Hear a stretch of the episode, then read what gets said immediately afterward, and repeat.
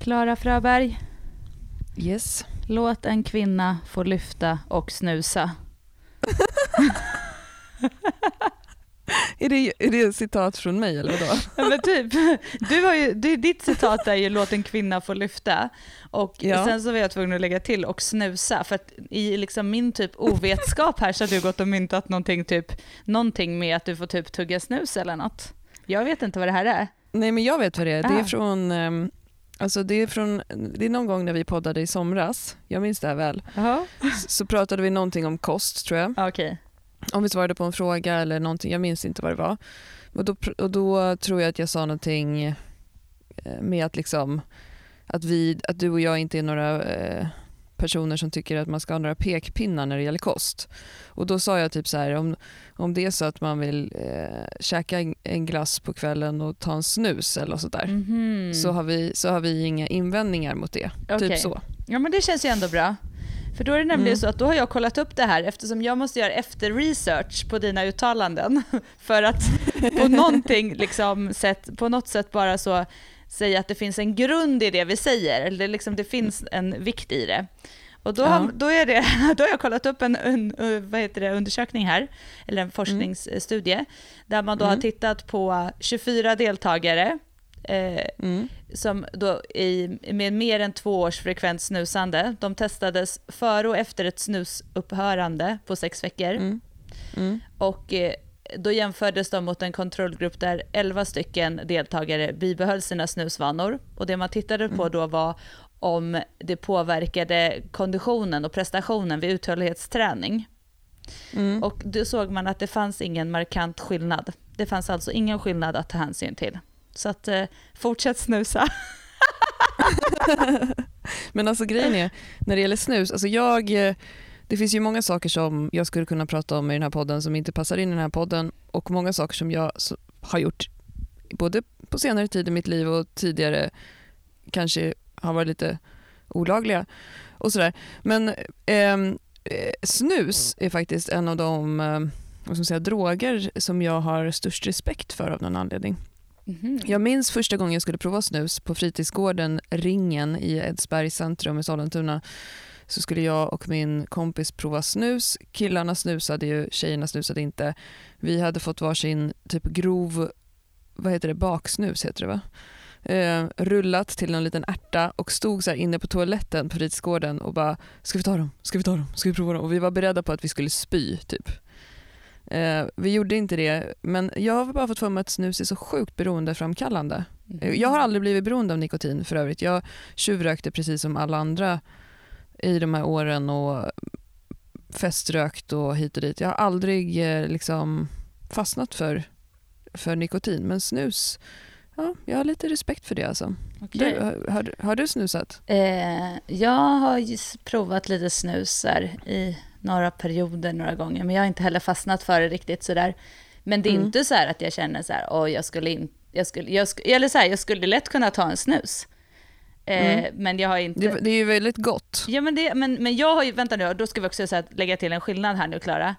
Eh, Mm. Nu snackar vi alltså inte, jag kör inte någon typ av bak, jag hade väl typ de minsta påsarna med typ Rinnande eukalyptus. grov, en uppe, en nere. Ja, precis. Nej, nej, och så lite en under tungan liksom.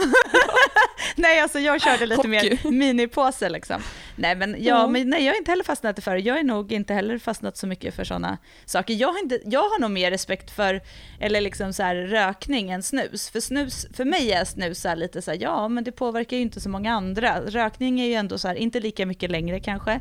Men förut Mm. när man rökte liksom hej vilt och lite överallt, eh, då var ju det ändå någonting som blev en påverkan för andra kan jag tänka. Snus är ju faktiskt Ja. så här, du har det i munnen, så länge du håller din munhygien fräsch så är det inte så att någon annan påverkas direkt. Så nej men snus Nej. är inget, eh, jag skulle kunna ta en kaffe och en snut. Eh, Kaffe och en snut! En snutkaffe och en snus. ja, och en snus. Nej men det känns lugnt liksom, det har jag inte så mycket. Ja. Men, men som, jag, som du sa också, jag har inte så mycket åsikter. Låt, en, låt människor få göra som de vill liksom. Eh, bara Mm. de mår bra. Men det är klart att, eh, att det är onödigt att göra sånt som, som blir, beroendeframkallad. Det var kul, igår hade min, min dotter en kompis här och då vet jag inte mm. hur vi kom in på det, men vi pratade om eh, snus och, och, cigaretter. De är liksom åtta år. Men, och då sa vad heter det, hennes kompis, jag tyckte det var så fint sagt, hon sa så här, jag har lärt mig en sak. Jag bara, vadå? Börja inte med någonting som du kan bli beroende av. Och jag bara, det var ändå klokt sagt. Ja, det var ju fint. Ja, så det var fint sagt. Så det är väl lite, det är väl lite så, varför börja med någonting som, som skapar ett beroende? Ja. Ja, det beror på.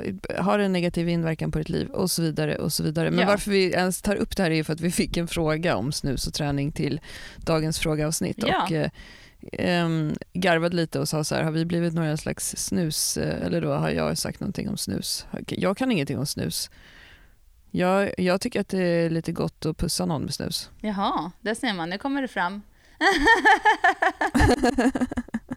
Okej, det är bra. Snusa så ja. har du en chans att få en puss av Klara.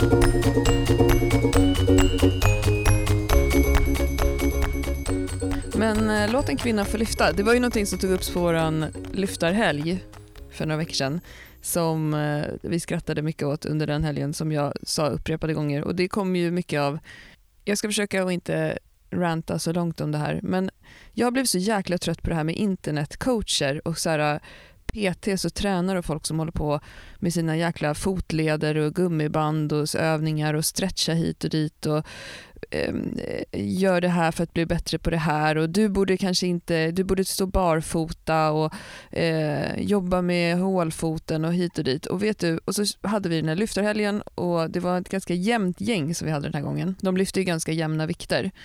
Och så kände jag bara så här, alla här inne borde bara böja liksom mer. Mm. Alltså, ingen här har något problem med någonting. Problemet är ju att folk inte eh, vågar sig in i gymmet och lägga på vikterna och köra. För många, och nu pratar jag utifrån de som du och jag träffar. Vi träffar ju väldigt sällan personer. Vi pratar ofta om så här, grisa inte, lägg inte på för tungt. De som vi träffar är ju inte sådana personer.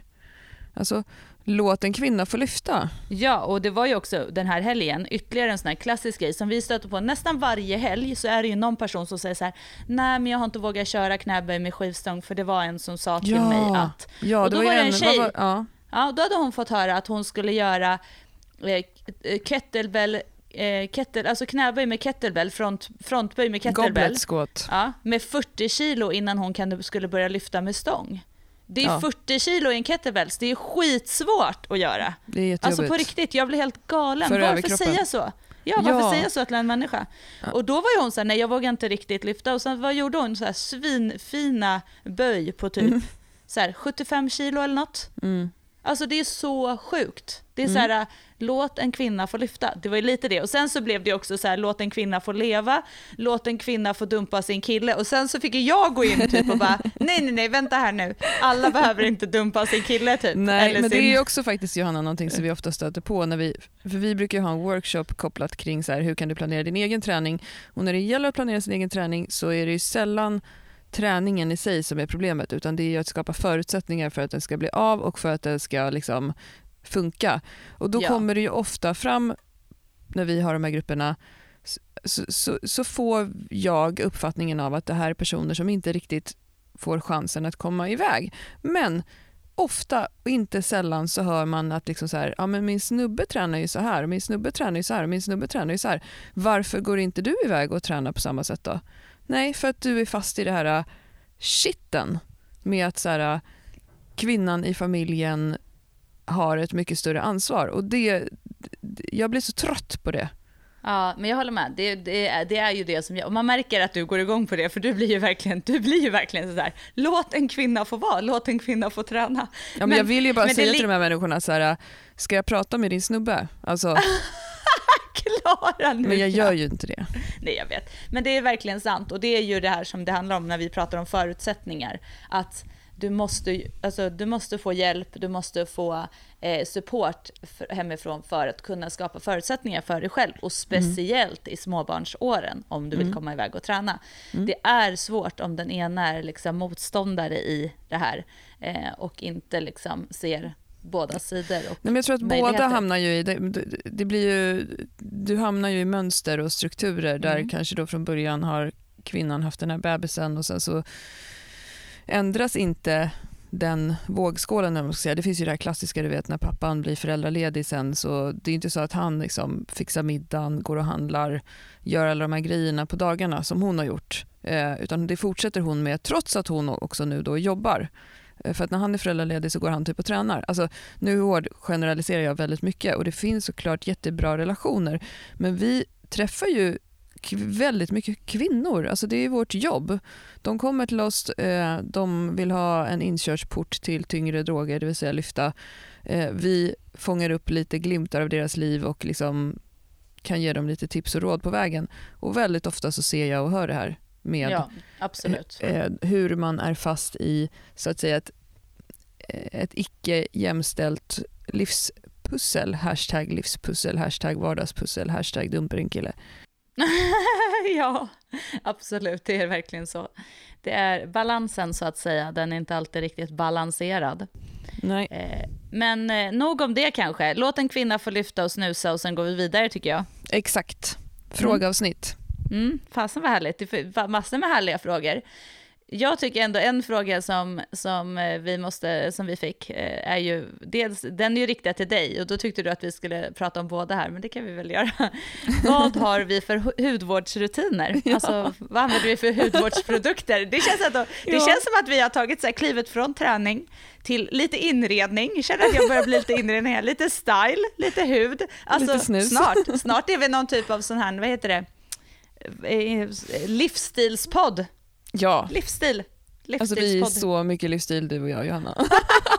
det var så kul igår för att det är så roligt, så här, min granne kom ut så här, när jag stod eh, och typ hade hämtat barnen på skolan och sånt, för jag var ju hemma med, eh, jag har ju vabbat så här, här nu, eller jag, vi har vabbat varannan dag, har vi vabbat i vår familj här den här veckan som har varit. Mm. Eh, och då i alla fall så, så var jag så här, jag hade så här klätt på mig verkligen människokläder och var lite så här piff, och har ju varit hemma då en dag. Och det är så roligt när vi diskuterar, för han var också hemma och vabbade, och han hade så här mjukiskläder och tyckte så här skönt att man slapp dra på sig kostymen. Och mm. jag tycker det är så här, fan vad härligt att man får ta på sig människokläder. Och det är ja. så roligt när skillnaden i när man går runt hela tiden apropå livsstil och eh, vad man har för kläder och sånt. Så det mm. är väldigt roligt när man får ha människokläder tycker jag, för det har jag typ en dag i veckan ungefär. Ja men det är sant, det är samma här. Men jag älskar ju samtidigt tights och träningskläder i livet. Och lite kanindräkt ibland. Ja, eller hur? Det är jätteskönt, men det är lite lyxigt att få känna så här, piffa till sig lite. Mm. Ja, men okej, du då Klara, Hud, hudvård, hur tänker du, vad gör du? Ja men det är roligt, jag får faktiskt ganska ofta frågor om min hud på Instagram stories. Jag vet inte, eh, både du och jag vi använder inte speciellt mycket filter och sådär utan jag Nej. lägger ut bilder på mitt ansikte som jag ser ut och då blir jag så glad när jag får sådana frågor för jag är ju ändå en kvinna av ålder.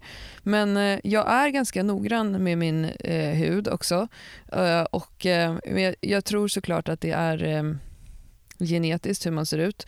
Det, däremot så hade jag en period nu i somras då jag fick jättemycket finnar och det var jättejobbigt. Jag, jag funderade ett tag på om det var för att jag hade bytt eh, proteinpulver. Eh, eller vad det nu kunde vara, eller om det var hormonellt eller om det var så här, eh, för att jag var så anabol för att jag tränade så mycket för det kom så här underjordiska. Men eh, det var också så att jag smorde in mig på kvällarna med kokosolja typ överallt. Över hela kroppen och i mm. ansiktet. Och eh, jag har nu sedan några veckor slutat med det och det har försvunnit. Eh, så det var ju konstigt. Men jag tror ju mycket på det här med att återfukta huden och jag tror på att rengöra huden ofta. Alltså mm. både, jag rengör huden morgon och kväll med en rengöringskräm och sen så använder jag serum. Eh, just nu så har jag ett um, BHA-serum från Paula, Paula's Choice. Jag gillar Paula's Choice-produkter. Uh, jag har precis börjat med en återfuktande mask ibland på kvällarna. Paula's Choice Recovery någonting mask. Um, och sen så har jag alltid en hudkräm och sen så... Um, uh, vänta, vänta här nu. Ansiktskräm. Ja. Inte precis, en ansiktskräm. hudkräm. Ja, nej precis, inte en hudkräm utan en ansiktskräm. Och på dagarna har jag alltid en ansiktskräm med solskyddsfaktor. På sommaren också. Um, tycker jag är viktigt. Ehm, och sen så, ehm, det är ju väldigt inne med det här med glow. Har du Mhm. sett Johanna, i huden? Ja, ja, ja. ja. Alltså man ska ha glow, man ska ha glow, man ska ha glow. Men jag kommer på att jag vill inte ha något jäkla glow. Glow för mig betyder ju typ att man är blank. Och Ja, blank är någonting som jag alltid har varit i hela mitt liv. Alltså jag har glow. Glow kommer ju från att jag är lite perky, glad, härlig person. Eh, min inner glow liksom. Men jag vill inte ha glow i huden. Så att jag har haft lite så här, testat lite så glow serum och glowkrämer och sånt där på sistone. Men det har jag faktiskt slutat med nu. Så ingen olja, ingen glow serum på natten, eh, rengöring. Sen så en annan sak som jag tror är bra är när man är, börjar bli lite äldre som kvinna är att inte eh, är liksom att ha lite fett på kroppen, helt ärligt. Mhm. Alltså om du blir underviktig som kvinna eh, så, så, så ser du ju tyvärr lite tristare ut i hyn också. Ja, näringen i kroppen påverkar Mm. väl hund Och det där var verkligen, oj oj oj, det där hade jag inget belägg för. Men jag, jag tänker så att har man Mm. dålig energi i kroppen så påverkar det även huden ju. Och Mm. även hudens lyster. Eh, ja, okej, vad har jag då? Jag har... Du har jag ju också massa grejer för dig.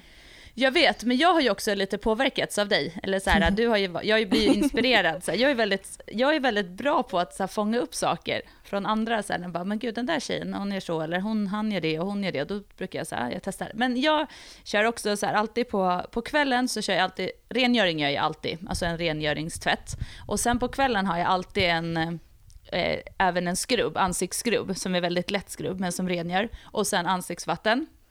Och sen Mm. en nattkräm.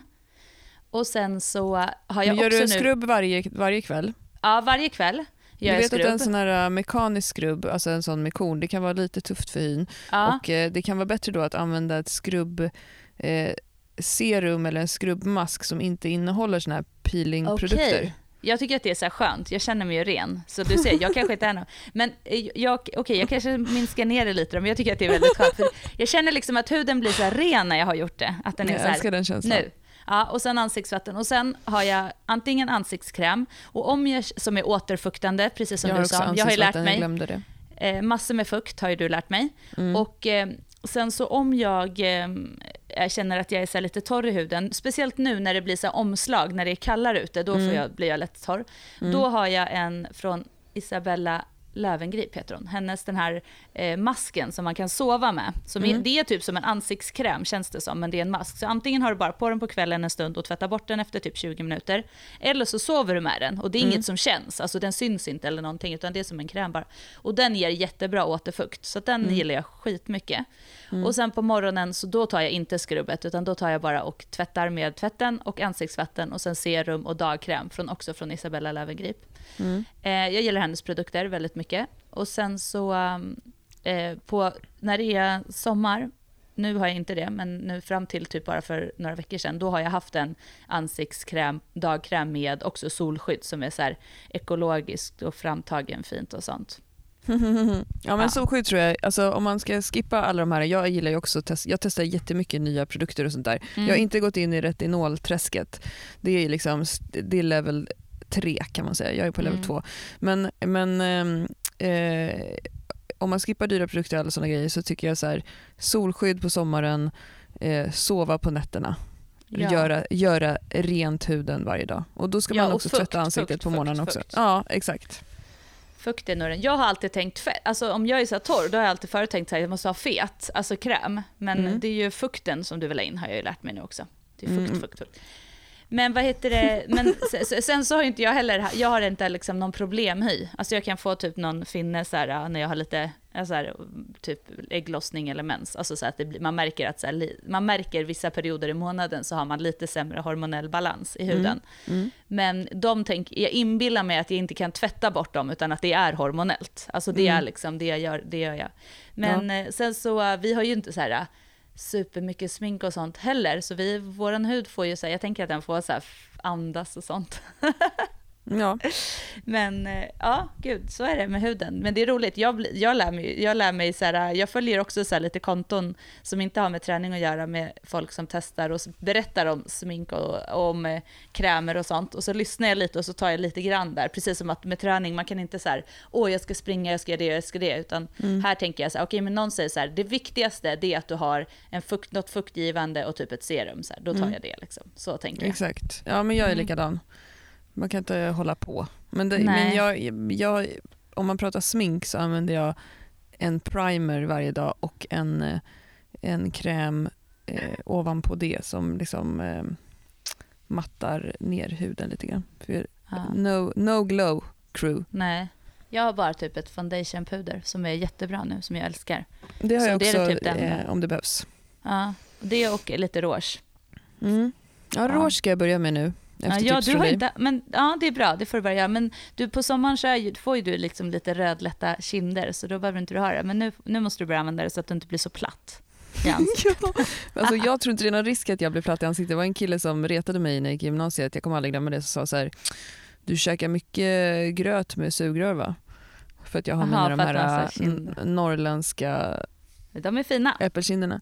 Men eh, nej precis, jag, röd är liksom någonting som jag, det är liksom mitt signum. Jag blir röd i många olika situationer på olika ställen. Och, och, och jag bränner mig också väldigt lätt i solen. eh, Så att eh, jag brukar inte försöka att röda till mig så mycket. Men kul!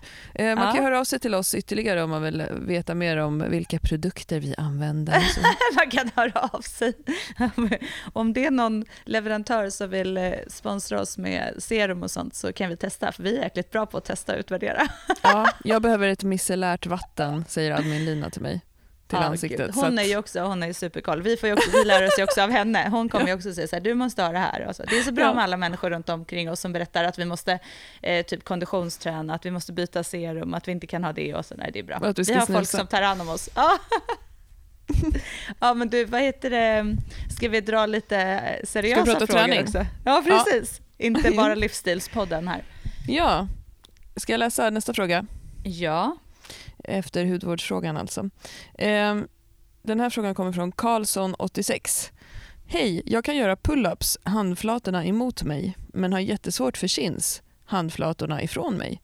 Men vill kunna göra dem också. Min fråga är, vad är överförbarheten mellan pull-ups och chins? Om jag blir starkare och bättre i mina pull-ups, kan mina chins bli bättre av det? Eller ska jag fokusera på pull-ups för sig och chins för sig? Mm, bra fråga tycker jag. Mm. Alltså först och främst det här med skillnaden chins och pull-ups, det har vi ju pratat om en hel del. Och eh, där är det ju så att, att vi i Sverige säger chins är med handflatan från sig. Mm. Alltså handryggen emot sig. Och att pull-ups är med handflatan emot sig. Alltså så, smalare grepp. Men Yes. i resten av världen säger man tvärtom, så därav lite förvirring. Men hon skrev ju, det är egentligen, frågan i sig spelar egentligen ingen roll, för det handlar ju om det ena eller andra. Och det var en som skrev sen efteråt, samma sak för mig, fast tvärtom. Eh, och alltså, så här är det ju med chins och pull, både chins och pull-ups, att för, vi märker ju att eh, de som jobbar med våra program nu, alltså Mm. beefcake och sånt, som börjar lägga mer fokus på överkroppsstyrka utan att egentligen göra massor med chins. Det är ju lite chins i, och pull-ups i programmet.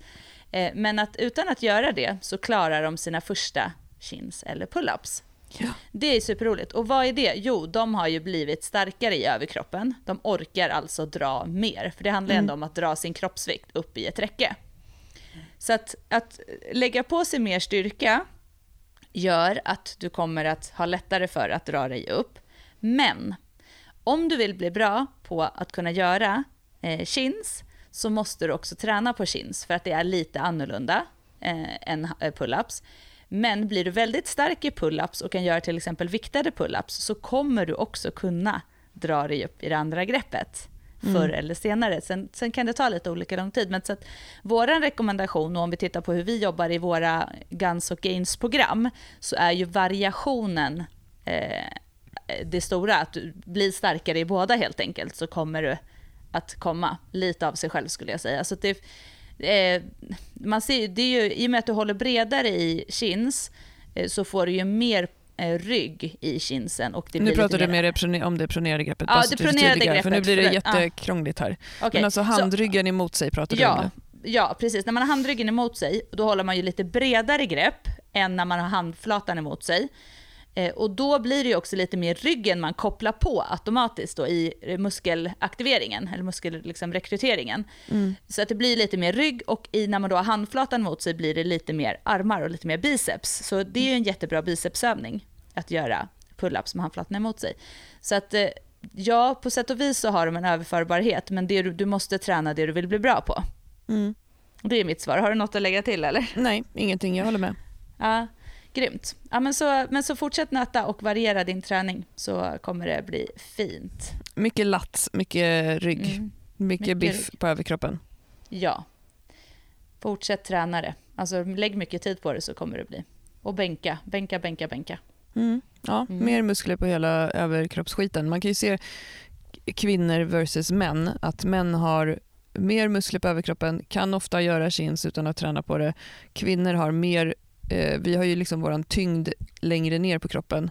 Rumpa, höfter, ben. Och, det, och sen har vi mindre muskler på överkroppen. Det är någonting som ligger oss i fatet. Så man får försöka flip the coin, eller vad säger man? Ändra Mm. eller som, eh, som han brukar säga i, eh, och nu blir det jättedålig re- referens, men House of Cards, så säger presidenten om du inte gillar hur bordet är dukat, duka om bordet. Okej. Ah, ja, det var ju bra. Okej, så jag säger bara så här, lägg mer fokus på överkroppen än underkroppen. ja, men jag älskar ändå dina, dina sådana referenser. Det var skitbra, Klara. Duka om bordet. Det är fan skitbra egentligen. Duka om bordet om du inte gillar det, det ska jag säga, börja säga. Jag gillar den. Ja, hörru nästa fråga. den, är den till dig eller till mig? Jag tror att den är till båda. Åh gud. Hur träffar man en check och vältränad kille, Klara? så det är så roligt. Ja, men det här är så roligt för att det här är, den här frågan kom efter förra avsnittet när jag berättade om eh, att jag var på dejt i Göteborg och kräktes ner Mm, min dejt. just det. Ehm, Är det checkheten då, att han pallade det? Nej, men jag vet inte, nej, men den här personen, nu tog inte jag med namnet då, då men den här personen skrev i vår Facebookgrupp så här, men hur, eh, ska du tillbaka till Göteborg kan du berätta, ge lite tips på hur man träffar en check och vältränad kille. Och check kanske är ett så här uttryck som betyder olika för olika personer i Göteborg, men eh, jag svarade då att så här, eh, check och vältränad är ingenting som står i topp på någon lista för vad jag söker för, för en kille. Check är ju nästan ett skällsord för mig. Alltså om jag skulle vakna på morgonen bredvid någon som är check. Alltså, jag skulle bli på jättedåligt humör. Jag har redan ganska, jag är så slow starter på morgonen.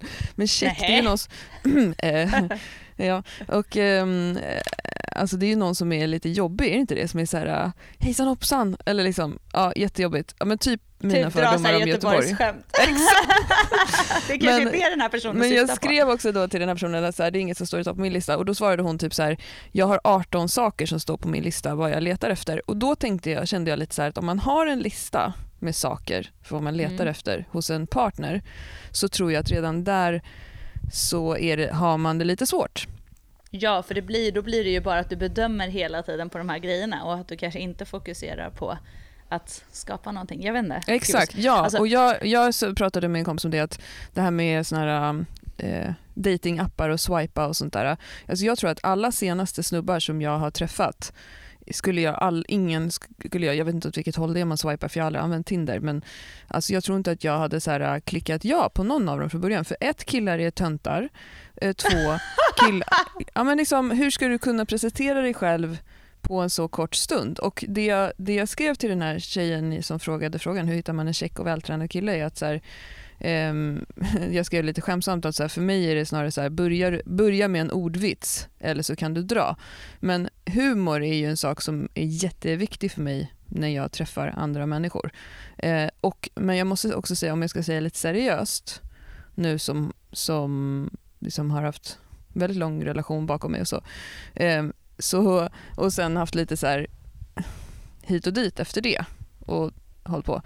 Då skulle jag säga att ett, jag söker efter personer, om jag skulle träffa nya personer nu då, som har ett eget liv, alltså, som har en eget, ett eget hem, ett eget liv, egna vänner, eh, kan, eh, har ett eget liv helt enkelt. För det här, och det här kanske låter helt eh, det låter självklart, men det är inte det, speciellt inte när det gäller män. För många män är väldigt beroende av eh, sin partner. Och det är ju män som man kan se traditionellt i skilsmässor som, som det går sämst för efter en skilsmässa. Därför att män inte har ett eget liv eller ett nätverk och sådana saker. Så jag söker efter folk eh, som kan bidra i mitt liv som har ett eget liv.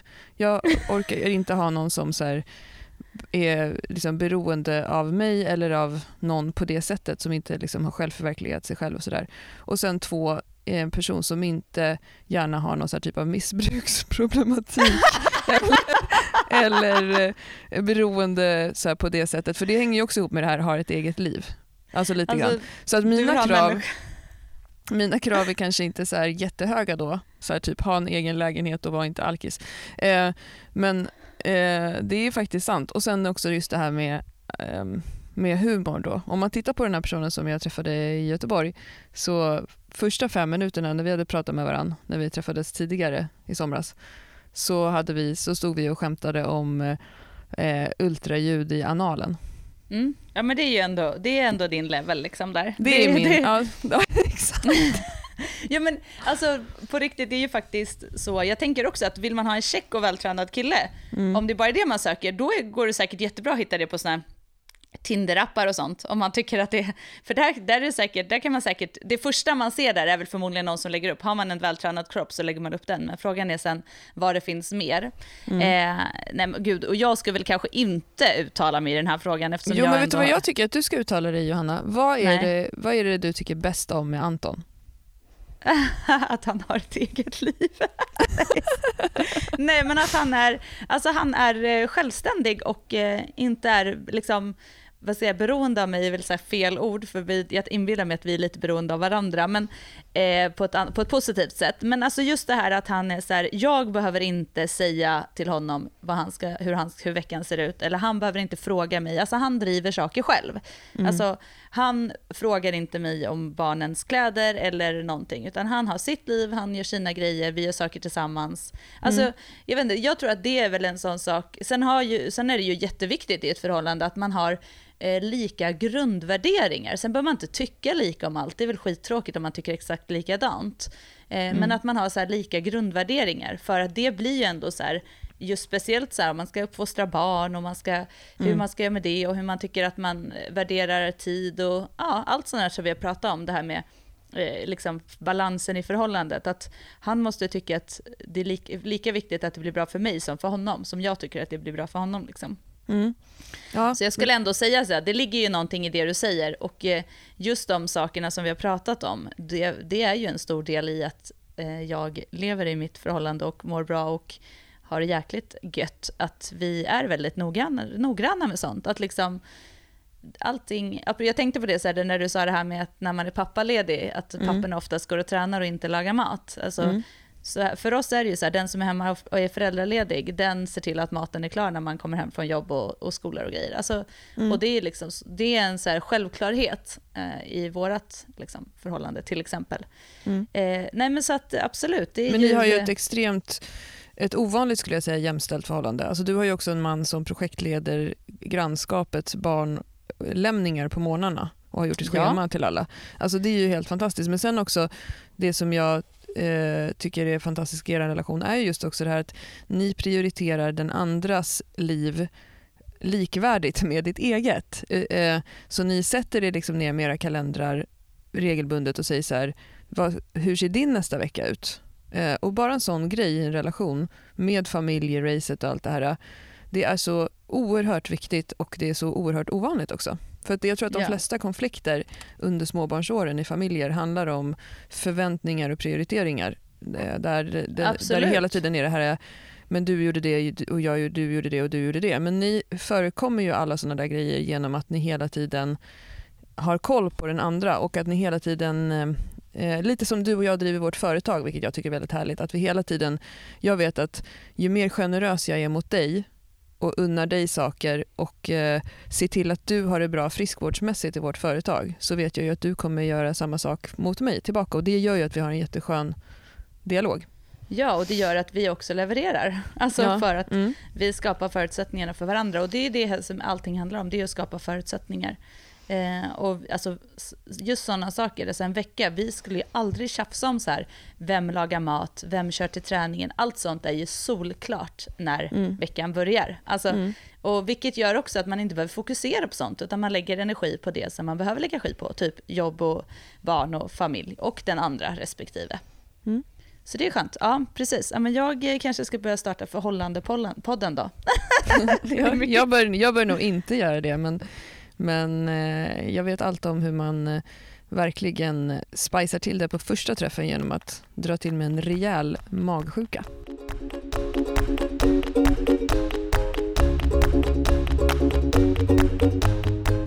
Nästa fråga från Josefin Hansen. Hur går det med tävlingsplanerna, Johanna? Och eh, gäller målet att komma på pallen i SM fortfarande? I övrigt tar jag gärna tips på hur man sätter bra mål. Ja, Kul! Nej men det går bra. Alltså, eh, ja, ja, absolut, målen är fortfarande, jag skulle säga så här, målen är fortfarande först och främst, nu kommer du bli lite arg på mig, målen är att kvala till SM, det är nummer ett liksom. Men då säger du så här, nej Johanna, målet är att börja tävla och det är väl det som det är. Tävla, SM, det är liksom dem. Och mm. Eh, det, det, är definitivt det jag ska göra och jag är ju igång här nu med en förening snart, så det, vi håller på där ju och eh, ska få klart med så att jag får tävla, för det är det som är grejen, att jag har då hittat ett ställe här i, som ligger nära mig, som, eh, där jag kan ha tävlingslicens. Så det känns skitkul. Så det är absolut fortfarande det som är den stora skillnaden nu egentligen från innan jag fick Ludvig, när det var så här att jag i princip skulle börja tävla, mm. eh, det är att, jag måste, att det måste få ta den tid det tar för att jag ska hin- alltså inte sätta större press på mig själv i onödan, vilket jag är väldigt bra på.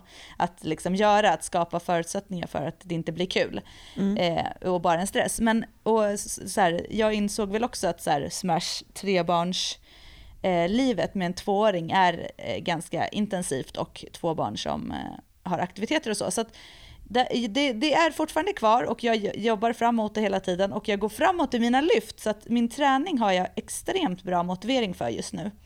Så att, absolut, det kommer. Eh, och på frågan i övrigt eh, med att sätta bra mål mm. så är ju alltid frågan så här, vad är bra mål? Men det som är är väl egentligen vad är motiverande mål? För det är en sak som jag har blivit jättemycket bättre på nu, som jag har varit väldigt dålig på. Jag, är så här, jag sätter ju så här, jag ska göra 20 chins det här datumet typ. Och sen är det så här, till slut så blir inte träningen rolig längre för att målet är så extremt. Mm. Och jag tycker att det är bra att ha extrema mål, men de kanske ska vara lite långsiktigare. Och sen har man delmål. Mm. Men det viktiga är att man känner så här, det jag har som mål är relevanta mål som jag tycker är motiverande och spännande att jobba för. Så att när jag står de där dagarna och känner så här, oj jag är lite sliten, jag är lite trött, då måste jag veta varför jag gör det jag gör. Mm. Och om det då är prestationsinriktat, då måste jag vilja den här prestationen tillräckligt mycket. Och är det genomförande mål till exempel, ja då kanske jag har en mer så här, okej, okay, men nu jag har bara som genomförande mål, att jag, eller bara, det var fel att säga bara, jag har som genomförande mål att träna tre gånger i veckan. Och så är jag sliten en onsdag och jag har tränat två gånger redan, ja men då kanske jag väljer att inte träna för att mitt mål är ju faktiskt att må bra och träna tre gånger i veckan. Mm. Så att just det här att målen blir relevanta, att man inte sätter mål bara för att. Och jag tror att många hamnar i det, att man säger så här, men jag har mål och jag känner mig inte motiverad, men jag har ju mål och jag vet inte bara hur jag ska komma dit. Så att kanske också att veta så här, vad är det som krävs av mig om jag ska komma dit, så att man inte över, översätter sina mål. Mm. Det är nog lite tankar för min egna del. Hur tänker du där? Ja, men jag, jag håller med. Jag, jag tror att det måste vara någonting som eh, du kan lyckas med också. Mm. Alltså, mm. Som du vet, som inte är ett orealistiskt mål.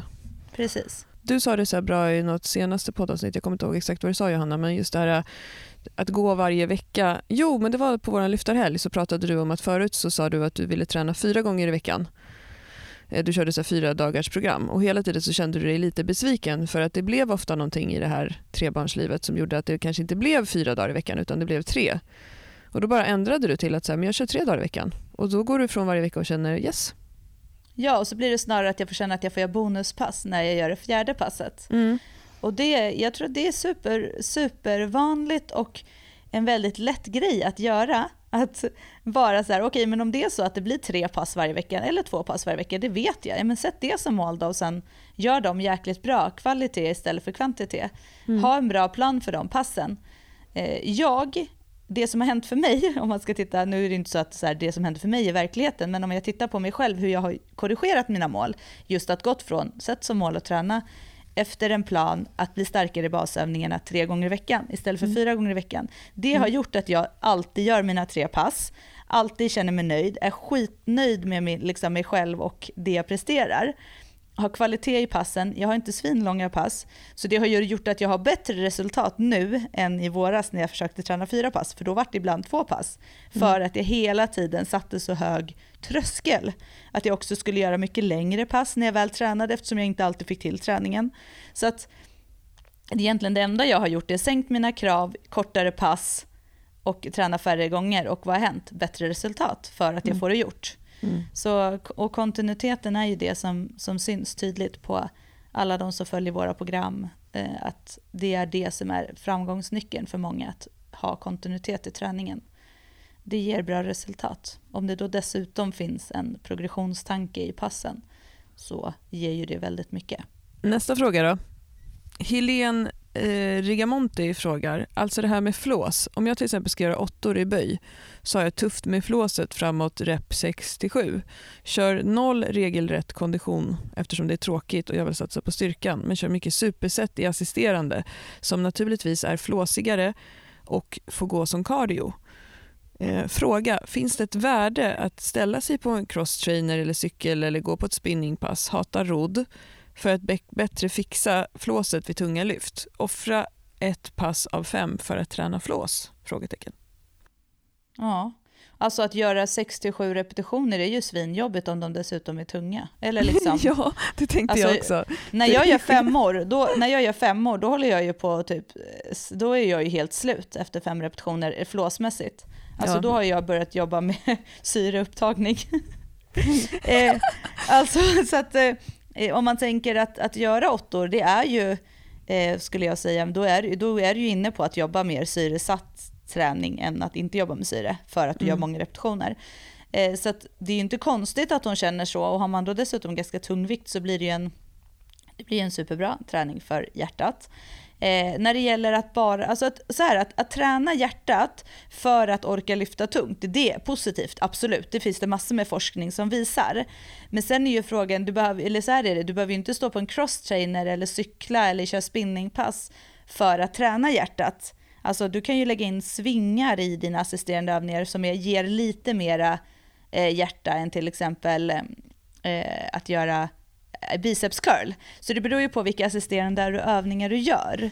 Alltså ja. gör, du, gör du stora assisterande övningar och sätter ihop dem i en cirkel så kommer du att träna flåset. Ja. Sen är det ju också så att om jag till exempel gör svingar och så gör jag någon annan övning som gör att jag får lite flås i mina cirklar och sen ska jag typ gå ut och springa så är det klart att ja, det är ju tufft då att springa för jag har ju inte tränat på att springa.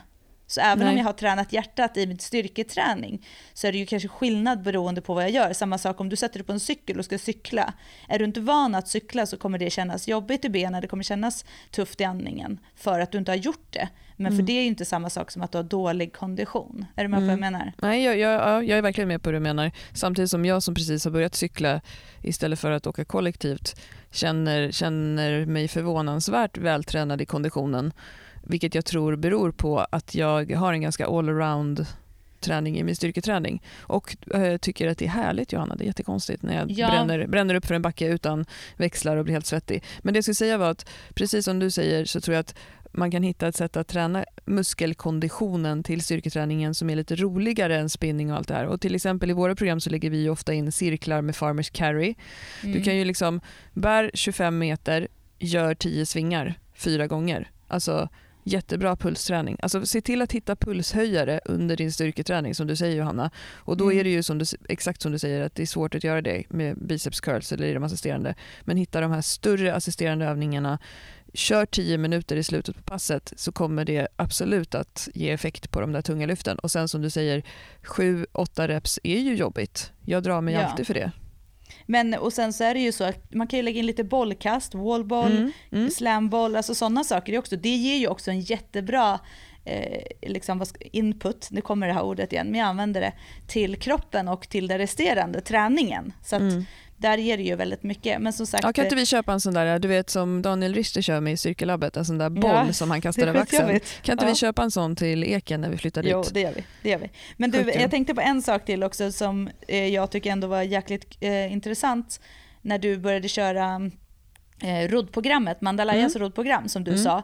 Att jag har inte kört speciellt mycket flås, sa ju du. Men, Mm. Eller så liksom så. Men jag känner att jag har extremt bra tryck och jag kan ro väldigt, liksom, jag har väldigt bra tryck i min rodd och kom, Mm. du, när du gjorde de här tuffa passen där man ska ro fort under en viss, en, ro en viss längd på en viss tid och så vidare, så hade du väldigt bra tid för att vara liksom, du har inte hållit på så mycket med det. Och det har ju också med att göra det här med att är man stark, maxstark, och nu pratar vi inte då de här som lyfter hur mycket som helst och som får sova med mask och sånt, utan de som är liksom starka men som har en allround-träning med assisterande övningar och som gör annat, inte bara, bara lyfter och är liksom stora. Då har man också eh, bra, alltså det ger ju också bra in i hjärt, alltså i, i den typen av träning. För att ju, är du starkare så har du bättre tryck. Så du kommer också kunna eh, driva på de här typen av övningarna också mer. Ja, men sen om man har mycket massa att bära på på kroppen så kommer det bli tyngre. Ja, absolut. Så är det ju. Men eh, som sagt, nej du måste inte det. Hitta roliga övningar, kasta boll, svinga, gå farmers. Alltså det finns massor med bra grejer som Alltså ger... titta på Mandalaya-programmet om man tycker att det är, alltså, och även om man hatar råd som hon skriver, så är det ju också eh, crossfit-pass i det programmet ja, på slutet. Cirklar med så, konditionsstyrka. Grymt. Då tar jag nästa fråga då. Mm. Det är Emmy Bergström. Hur tänker ni med rörlighetsträning när man kör beefcake-programmen? Det vill säga att det inte är någon direkt rörlighet utan mer aktivering i uppvärmningen. Tycker det annars tjatas så mycket om rörlighet som begränsande faktor i styrketräning, men ni ligger ganska, lå- ni ligger ganska lågt med det upplever jag. Tankar om aktivering versus rörlighet, vad ska man lägga krut på? Mm. Bra fråga. Och, eh, till att börja med så vill jag säga att rörlighet, inom rörlighetsbegreppet så eh, menar, betyder det också eh, styrka och stabilitet. Därför att, att vara rörlig handlar inte bara om att kunna gå ner i spagat utan det handlar om att kunna ta sig upp från spagaten utan att behöva fälla ihop hela kroppen eller att krascha där nere eller någonting. Sen tycker inte jag att någon behöver gå ner i spagat heller men det, eh, när du och jag pratar om rörlighet så pratar ju inte vi om eh, yoga Liksom. Att man ska kunna vara väldigt eh, vig. Utan vi pratar ju om att kunna få ut fullgott av en rörelse. Eller hur? Alltså att den ska vara Mm. väl utförd från start till slut. Och nej, vi lägger inte in rörlighet jättemycket i våra program. Vi brukar säga vi brukar köra när vi kör våra grupper, man får sitta på huk ett tag med en kettlebell eller med skivstången innan man börjar böja och sådana saker. Men vi, vi är ju ganska kliniska i vårt sätt att jobba och anekdotiska i vårt sätt att jobba i att vi jobbar enligt vår erfarenhet. Och den målgruppen som vi träffar och som köper våra träningsprogram är till stor del kvinnor som inte styrketränat eh, i många år. Och de är väldigt ofta snarare för elastiska i kroppen än vad de är starka. Eh, vi lägger in aktiveringsövningar i början av våra program för att vi anser att Gör man dem och gör man sin prehab så håller man sig skadefri längre, man slår på kroppen på ett bra sätt, man får en bra skjuts igång till träningspasset. Behöver man träna rörlighet, typ stretcha fotleder, de sakerna, då lägger vi in det specifikt till våra klienter som jobbar med det. Men de flesta kvinnor, nu generaliserar jag ganska mycket, ehm, som inte har eh, styrketränats så länge är oftast, eh, behöver oftast jobba med tvärtom. Behöver jobba med styrka, i att inte släppa efter i botten av en knäböj. Eh, alltså det är sällan vi träffar folk på våra grupper och sånt som inte kan sitta på huk, Johanna, eller hur? Ja men precis, alltså, vi upplever att det är en liten också en, en miss i vad ska man säga, begreppet eller förståelse i sin rörelse. Att man tror att det är rörligheten det är fel på, men i själva verket så behöver man göra rörelsen Du mer. behöver bli stark. Alltså, du, exakt, du behöver göra mer knäböj. Det är inte din rörlighet för knäböjen som det är fel på. Utan du behöver bli starkare för att kunna använda musklerna i, som krävs i den rörelsen utan att tappa i bottenläget eller utan att inte orka hålla bröstryggen till exempel. Så att exakt, det, är- det är egentligen mer det att vi upplever inte att det är så många som behöver eh, det. Och tittar man på marklyft till exempel så är det snarare tvärtom. Det är, många har svårt att hitta eh, sin startposition och hitta det här eh, trycket innan lyftet för att man är så rörlig så att man mm. känner inte riktigt sin baksida till exempel. Så att nej, mer, eh, mera fokus på att just hitta musklerna och bli lite bitigare upplever mm. vi att de många vinner på. Mm. Så att, men sen går det alltid i trender, så är det. Det här med att många tycker att man ska hålla på och stretcha och göra rörlighetsgrejer och sånt. Alltså du blir inte starkare av det. Du blir starkare av att träna eh, tungt och bodybuilding. Ja, och återigen, låt en kvinna få lyfta. Mm -hmm. Nej, men, jag, ja, men verkligen, jag, jag, är lite så, jag är så trött på de här ja, som sagt, som jag sa i början, internetcoacherna och att det ska vara på ett visst sätt. Och, alltså alla de här små vinklarna och dorsalflektionen och eh, handledsrörligheten och bluttan blä. Alltså, det är oftast inte där det sitter utan det handlar om att få träna, att bli stark. Ja, och göra rörelsen. Det är som frontböj. Vi får jättemycket mm. frågor om folk som skriver ja. så här, ah, handlederna och fy, jag kan inte göra den här och jag är så orörlig där och så vidare. Mm. Och vi är så här, ja, tough shit, typ gör mer frontböj. Och vad händer efter typ tre veckor med frontböj? De kan mm. göra frontböj. Alltså mm. det enda de har gjort är att göra frontböj. Alltså lite ja. så är det, så här, att mm. det kommer, det är oskönt i början, det är svårt i rörelsen när man inte är van, när man inte riktigt vet vad man ska känna och vart man ska trycka och vart man ska hämta kraft och så vidare. Men mm. ju mer du lär dig det och ju mer du gör det, ju starkare du blir, desto bättre blir det. Ja. Bli stark. Okej, nästa fråga. Mm. Karin Larsson har ställt den här. Vad önskar ni att det gulliga Klara och Johanna hade känt till, gjort eller inte gjort när det gäller träning nu när ni ser tillbaka? Det, hon syftar på bilden som Jaha. jag la ut som är en gammal ja, bild på oss där jag skrev att vi var gulliga till frågeavsnittet. Vi var Men, gulliga. Ja, alltså, kort och gott så önskar det, jag, man ska aldrig ångra någonting, allting har ett syfte tycker jag. Men jag önskar väl att jag hade börjat lyfta tungt lite tidigare. Mm. Ja, jag skulle nog säga också att jag inte hade haft, eller så, samtidigt, fan det är lärorikt att göra fel. Alltså det, och fel med, för mig handlar inte fel om att det är de som gör det gör fel, utan för mig handlar det om att det var fel i, beroende, i förhållande till vad det var jag ville ha ut av min träning. Mm. Och då skulle jag säga att så här, jag, jag skulle kanske inte säga att jag ångrar den tid jag körde extremt högintensivt och tänkte att jag skulle gå ner i vikt, utan snarare så här, fan det hade varit så skönt att sluppit haft den där tiden när man inte mådde bra. Men mm. samtidigt så har jag också lärt mig sjukt mycket av det och jag kan också känna att jag kan relatera så mycket när jag träffar kunder som går igenom exakt samma sak. Mm. Att så här, man har en annan förståelse. På så sätt kan jag tycka att det är så bra att man har gått igenom olika faser själv mm. också. Mm. Eh, sen kan man aldrig säga så här, så här var det för mig, så så är det för dig. För mm. att det finns ingenting som säger att det blir likadant för dig bara för att jag upplevde det så. Mm. Men, men annars så skulle jag säga att det skulle vara jäkligt skönt att inte ha behövt, att lyft lite mer och varit lite mera powerig i kroppen istället för att ha kört det där slitiga skiten. ja. ja. Nu skulle jag aldrig hålla på med sådär mycket cardio. Alltså jag är ju så fruktansvärt slö nu för tiden när det gäller träning. jag älskar ju att verkligen lyfta och ta kaffe och bulle. Eh, och jag gör ju verkligen det. Men sen gör jag ju lite sådana andra övningar också för att jag vet att det kommer också ge bra för min träning, alltså för de tunga lyften. Mm. Men sen är det klart, jag ska inte säga att jag är slö i mitt vanliga. Jag rör mig, skulle jag ha en stegräknare på mig så skulle jag nog ligga över 15 000 steg var och varannan dag för att det är hela tiden gå dit, hämta där, fixa det, göra det. Alltså det är inte ja, så mycket gud, tid jag sitter gud, still. Ja. Så att jag ska inte säga att jag är slö i mitt liv. Eh, jag promenerar och hämtar barn på skolan och fixar och går och sådär. Så det är inte så att jag sätter mig i bilen alltid. Men, så, men jag är ändå lite så, jag tycker det är skönt med träning som är max, alltså fyra reps det är okej, men tre är ju guld. Ja men det handlar om att se till hela, hela livet där. Jag håller med, de dagar som jag inte cyklar nu, då snittar jag på 14 000 steg ungefär i min telefon har jag sett. Ja, när jag går. Och, och de jag cyklar, då känner jag så här, men då har jag ju cyklingen. Det blir ändå så här en halvtimmes svett varje dag. Det är det som, som rekommenderas för att ha ett hälsosamt hjärta. Ja, kroppen mår bra att röra sig. Det, det liksom ska man inte glömma bort. Så, att, så är det ju. Ja, mm. men härligt. Så, nej, men det då, hade du, du hade inget som du hade... Jo, du skulle lyft tungt tidigare och jag mm. skulle skit, skippat slitperioden. Ja, men det är bra. Mm. Här då, nästa fråga, Klara. Mm. David Olsson. Lägga upp träningen som varannan vecka förälder. Jag gillar att följa program och kör just nu en tvåsplit med ambitionen fyra pass i veckan.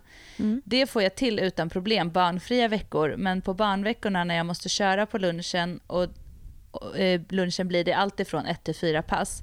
Jag vet att ni säger skit i veckor och bara kör, men jag funderar på om det är smartare att köra två split när jag inte har kidsen och satsa på helkroppspass på barnveckorna. Hur tänker ni? Ja, jag tycker det var en bra fråga och eh, jag är själv varannan vecka förälder. Däremot så har jag ju så lyxigt liv så att jag eh, kan träna igenom. Det blir svårare de veckorna jag har barnen, definitivt. För att då eh, är jag ju ändå hemma varje kväll och de är inte så jätteförtjusta i att det funkar inte så bra med livet att gå iväg och träna på kvällarna när det är läxor och middagar och sånt där. Men jag kan ju träna på dagarna mycket mer än vad David kan. Men jag, jag tycker faktiskt att det låter som en riktigt bra idé att köra barnfri vecka så kör, man, eh, så kör han eh, fler pass med uppdelad kropp. Det är det han menar, att han inte kör hela mm, varje pass. För att han har mer tid till träningen den veckan. Så han kanske kör höftfällning, böj, bänk och delar upp det i dagar. Och Sen så tänker jag att det är alldeles utmärkt att köra helkroppspass då den veckan som han har barnen. Och där det kanske blir lite kortare pass på lunchen. Och jag tror att det är alltså, rent, det skulle vara ett intressant projekt faktiskt att höra utvärderingen i det. För jag tänker att barnveckan Eh, Eh, så, så blir det också mindre återhämtning i form av egen tid, sömn, sådana saker. Eh, det är ju, man är ju ändå en serviceenhet när man har barn. Och då är det väl alldeles utmärkt att träna med lite lägre intensitet då. Eh, så jag, och jag tror absolut att det går att ha en progression. Jag tänker att så här, är det till exempel böjbänk, mark som man satsar på, så att ha kvar dem även under helkroppspassen. Eh, men då eh, träna färre pass men, och hela kroppen varje gång. Jag, jag, tror att man kan få jättebra resultat av det. Mm. Vad tror du? Så att, ja, men jag håller med. Jag skulle som, precis, när du inte har barnen, då satsar du på stora övningar så att du får jobba igenom alla rörelser varje pass. Och de veckor då där du inte har barn och kanske får till fyra pass så kan du göra mer fokus, till exempel böj och böjrelaterade assisterande övningar till exempel. Mm. Och så vidare. Alltså, så det, det, som han själv är inne på i sin fråga, det, det, skulle jag absolut satsa på själv också. För det blir onödigt om man inte vet, det står ju så här, det kan bli allt ifrån ett till fyra pass mm. under barnveckan. Och då kan det kännas kanske lite dumt om det bara blir bänk den veckan eller bara blir böj. Men om man satsar på till exempel att köra böj, bänk, bänkmark varannat pass eh, mm under barnveckan och sen lägger till assisterande övningar som är lite som våran Beefcake 2-splitten där, två pass i veckan.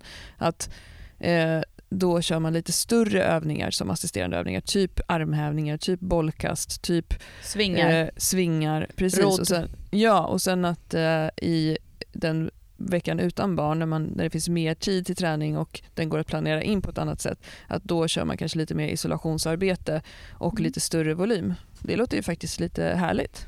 Fan, fasen, fasen Klara, nu blev jag helt pepp på att göra ett eh, program för... Nej, nej fy!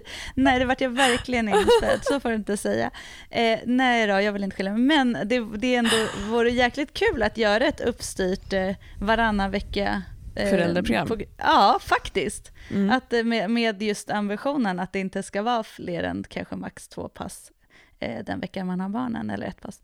Ja, får se, kanske kommer som ett nytt eh, Eftersom det, kan, det skulle i och för sig kunna heta låt en kvinna få lyfta. Men gud, det är skitbra. Alltså på riktigt, det är en superbra fråga och jag tror att det är jättemånga som brottas med det där just. Att så här, man får till det ena veckan men andra veckan så är det liksom skitsvårt, vilket jag förstår. Som du säger, du har det ju superlyxigt.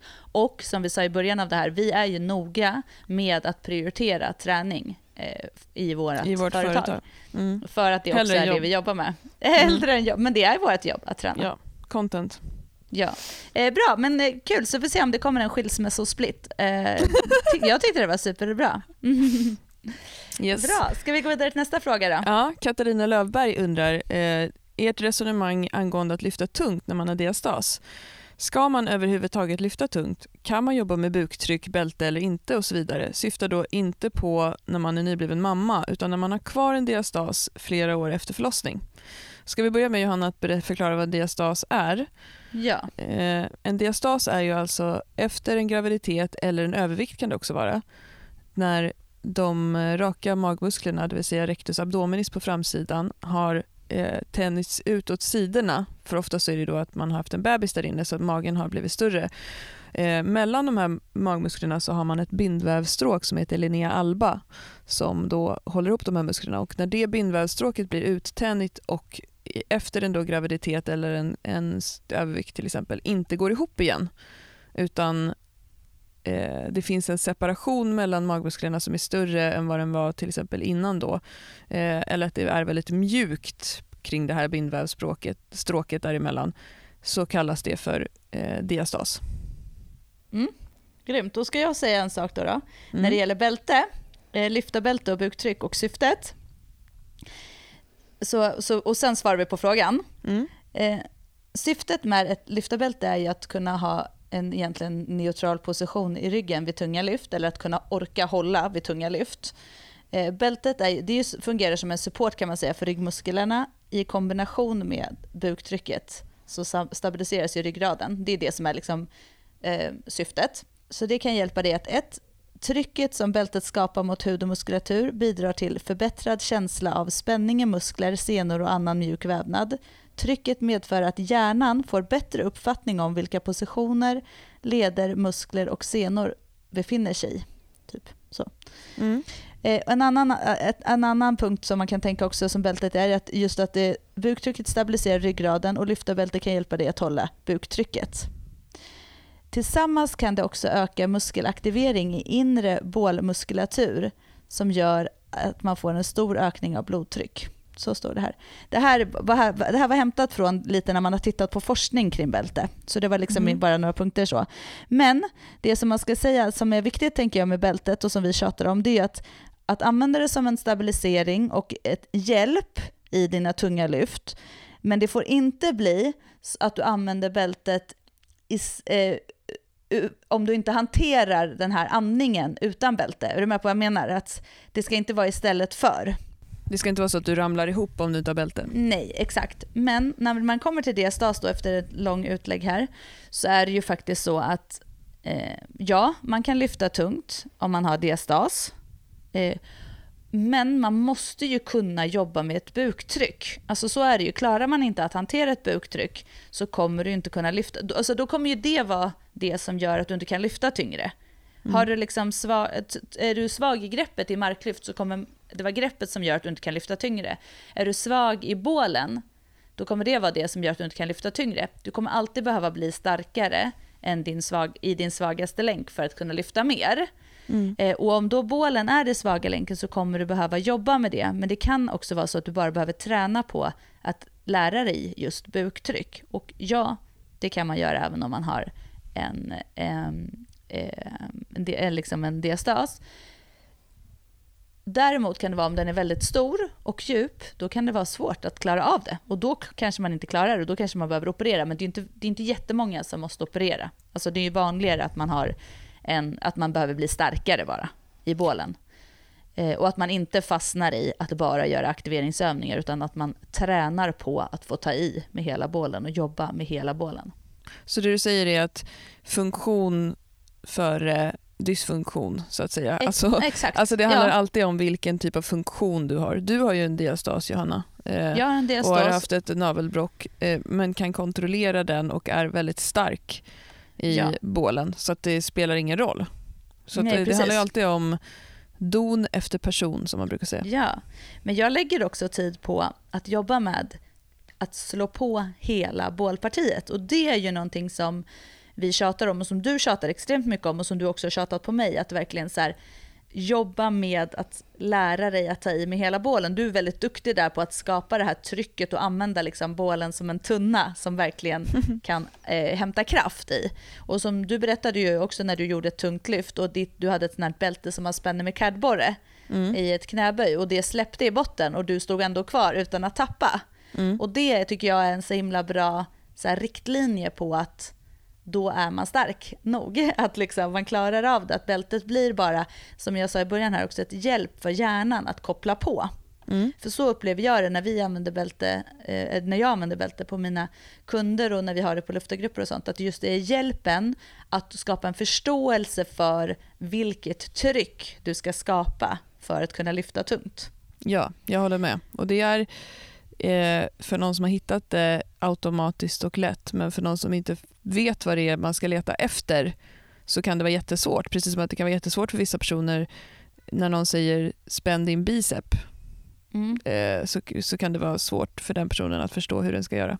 Ja, man kan börja göra den liggande, att skapa tryck. Det, det är något som jag har tränat på. Det är att om man ligger på rygg mm. och sen så, tänk, alltså, så, så känner, tänker man att man ska liksom spänna till, ta in luft och spänna till magen som om man ska ta ett eh, slag. Mm. Och ligga där och hålla det med, och sen så bara göra en mini-crunch och känna att man kan hålla kvar det trycket. Mm. För mig är det ett jättebra sätt att, eh, att hitta och träna och känna att jag får jobba med hela bålen.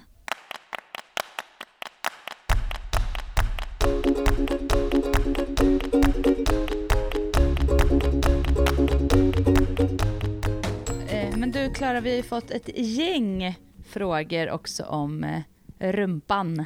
Rumpor, ja. rumpan, rumpor. Nej, rumporna. det är bra. Det är, det är väldigt mycket rumpsnack i, eh, i våra, i alla fall i mina sociala kanaler just nu. Jag vet inte, jag får sjukt mycket kommentarer om min rumpa just nu. Ja, men du har ju också kört ganska mycket rumpa. ja, vi ska ju avsluta, jag har ju kört klart det här eh, rumpboksprogrammet nu som jag har testat. Så att vi får avsluta med mätning av rumpan. Det var ju så vi började, ja, med att vi mätte precis. hur min omkrets. Får se om det har hänt något på tre veckor. Nej, det är faktiskt inte tre veckor. Jag har faktiskt kört två varv. Just det, sex veckor. Mm -hmm, mm -hmm. Mm -hmm. Ja, men spännande, det får vi ta. Mm. Men, och, och, då kommer vi ju oavkortat till den första frågan. När kommer rumpboken? Precis, och vi planerar ju att om tre år ungefär Eh, nej, nej då, men vi får ju faktiskt... Jag bara, va?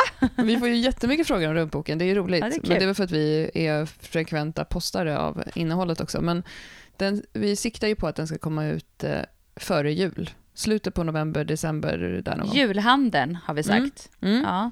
Så att, men det, och det är ju, eh, den, har ju, den håller på att slutfixas och sen är det slutkorr och så är det provtryck och sånt. Så det är lite sånt. Men snart, snart, snart. Håll ut. Mm. Julhandeln säger vi. Så ja. har ni den i er hand eller i ett paket under granen. Precis, det är jättemånga som frågar oss också, kan, skulle man kunna kombinera rumpboken med Guns och Gains? Och Guns och Gains är ju överkroppsprogram för tre dagar i veckan och det kan man ju absolut. Det finns ju, vad är det i rumpboken, fyra nivåer på programmen? Hemmaträning, ja, men... nybörjare ja, och så vidare. Avancerad. Medel och avancerad. Ja, men det, mm. det, det funkar faktiskt jättebra att kombinera de två eftersom också eh, överkroppsprogrammen inte heller är jättelånga och sådär. Mm. Eh, och att man kan ju alltid anpassa att göra kanske rulla överkroppen på två till exempel program per vecka, eller gånger, pass per vecka och sådär. Så man Precis. får ju kanske, för en, eller då får man anpassa lite för sig själv, men det går jättebra. Man kanske kan köra varannat pass, över, under. Över, Exakt. under, över, under, över, över under. under. Ja, men eh, så den, är, så den är på G i alla fall. Håll ut, den mm. kommer. Mm. Av eh, rövar, för rövar, som det står på första sidan. Ja, hashtag röv, hashtag du kan vara röv. Ja. Eller som Styrkelabbet skulle sagt, salsa stjärt. Just det. Smart mm, Johanna. Mm, mm, mycket danser där. Men du, nästa fråga. Eh, mm. Mia, Mia 2 Maria. Mm. Eh, varför tappar man rumpan när man är gravid och går det att förhindra eller minska? Tittar mig själv i spegeln efter förlossning, graviditet och känner, att in, och känner inte igen min rumpa. Den finns knappt och den ser finns hänger. Diskuterar detta med en annan nybliven mamma och vi funderar på om det går att skylla på graviditeten eller om det är, har med ålder att göra. Men i helgen diskuterades det även med min svägerska som konstaterade att graviditet påverkar rumpan. Nu ska kroppen återhämtas och optimeras inför förhoppningsvis ytterligare graviditet. Jag vill också ha röv, var hashtaggen då i den där. Hashtag jag vill också ha röv.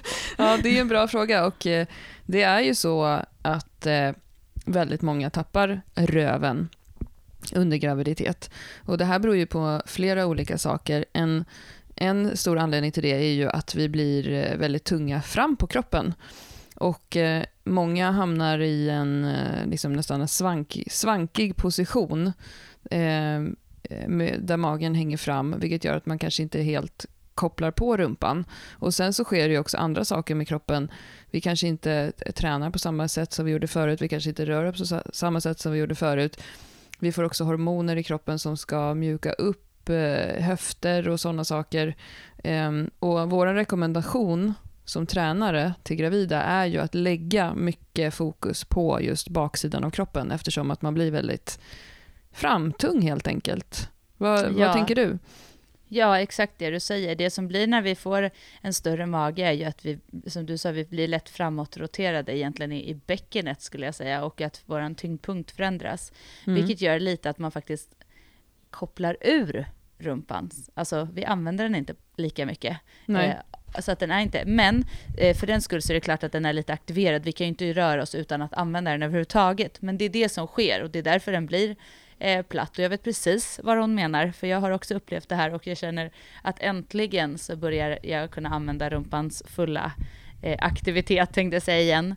Mm. Eh, efter eh, två år och där jag har tränat mycket knäböj såklart. Men det som, så att det som är är så här, eh, nej, det går inte att påverka så mycket det som sker, men det man kan påverka är ju som du säger att man lägger extremt mycket mer fokus på baksidan än framsidan.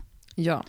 Eh, en sak som jag har noterat som följer eh, The Glute Guy, Brett Contreras, eh, som är mannen som har gett hip thrust ett ansikte kan man säga. Eh, mm. Det är ju att han poängterar ofta i sina stories och sina inlägg att eh, vi har genetiskt olika förutsättningar för att bygga en bullig muskulatur på olika delar av kroppen. Det har ju du och jag pratat om förut också. Ja. Och rumpan är precis likadant, att vissa har lättare för att få en, eh, en, eh, en bubbelrumpa, som Daniel Richter uttrycker det. Och eh, vissa har, kommer ha svårare, men det går ju definitivt att träna upp den så att den blir starkare och så att den växer till en viss del på precis samma sätt som det går att träna alla andra muskler. Och lite skämtsamt är det ju så att jag tror att jag har fått mer kommentarer om min röv på Instagram för att jag har lagt ut mycket kring att jag tränar från rumpboken och då ser man min rumpa och jag har faktiskt aktivt på riktigt inte lagt ut filmer och videos förut eh, som visar min rumpa för att jag har alltid haft en bubbelrumpa. Jag har genetiskt en sån där röv. Jag, hashtag röv, det är liksom jag. Eh, vissa gillar tuttar, andra gillar rövar. Jag har röven, alltså den är där, den har alltid varit där. Sen så blev min också såklart plattare efter mina graviditeter, men jag ser ju ut så här genetiskt. Jag är 45% röv. 45% röv. Den är annars bra, den kan du ha hashtag 45 röv. Ja, ja, precis. Och för mig är det också, det är ju så också beroende på hur, vad man har för kroppsform mm. i övrigt. Liksom, har ja. du smal midja, har du bredare höfter, då kommer rumpan se ut på ett visst sätt som jag till exempel, som är typ lika bred på höfter som jag är över axlar som jag är i midjan. Liksom. Då blir det ju också en helt annan sak. Min rumpa upplevs jag upplever ju min rumpa mycket mindre än vad den är, vilket var ju, jag blev ju helt överlycklig när jag skulle mäta min rumpa inför det här rumpboxgrejen. Nu har inte jag kört rumpboxgrejen, men jag, jag gör ju däremot jättemycket eh, knäböj, marklyft och good mornings och sådana övningar som mm. ger bra eh, på, eh, styrka och eh, ökad musklighet i rumpan.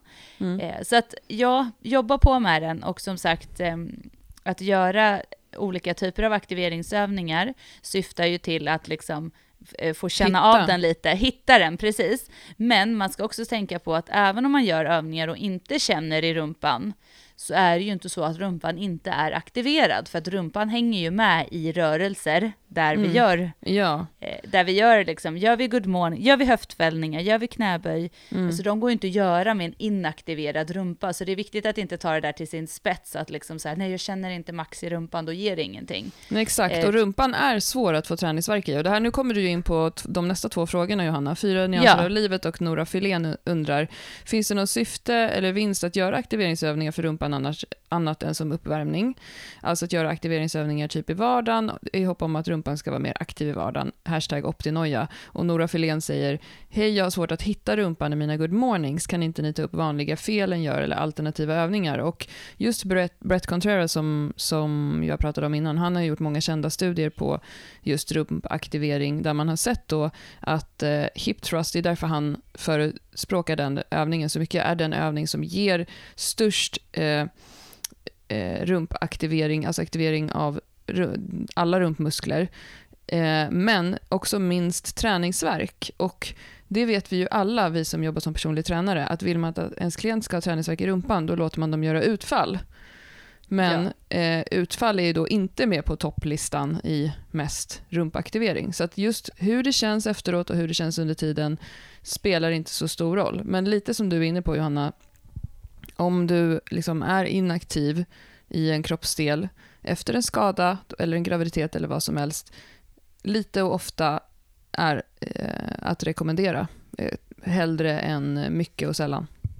Ja, men sen ska man inte tänka att man måste separera det här med vad som är maxstyrka, eh, eh, muskeltillväxt, alltså ökad volym, och Mm. aktivering. Så man, inte, alltså man kan inte gå och tro att man kan göra aktiveringsövningar och få en större rumpa. Alltså Nej, en precis. mer vältränad rumpa. Utan precis som du sa lite tidigare här, att som alla andra muskler när vi tränar, så funkar rumpmuskeln också. Alltså, blir vi maxstarkare, då gör vi färre reps, tyngre. Vill vi ha lite mer volym, gör vi lite fler reps. Eh, Lite lättare. Lite, lite lättare. Och vill vi aktivera den, det vill säga att vi vill liksom få känna den och få känna att den jobbar, eh, så gör vi många reps. Och eh, vi behöver inte ha speciellt mycket belastning alls, utan just att vi gör mycket reps för att liksom bara påminna hjärnan lite eh, Mm. att den ska jobba. Mm. Så det är liksom, och det är precis samma sak med alla muskler, det är inte så att det är olika för olika muskler. Nej, precis.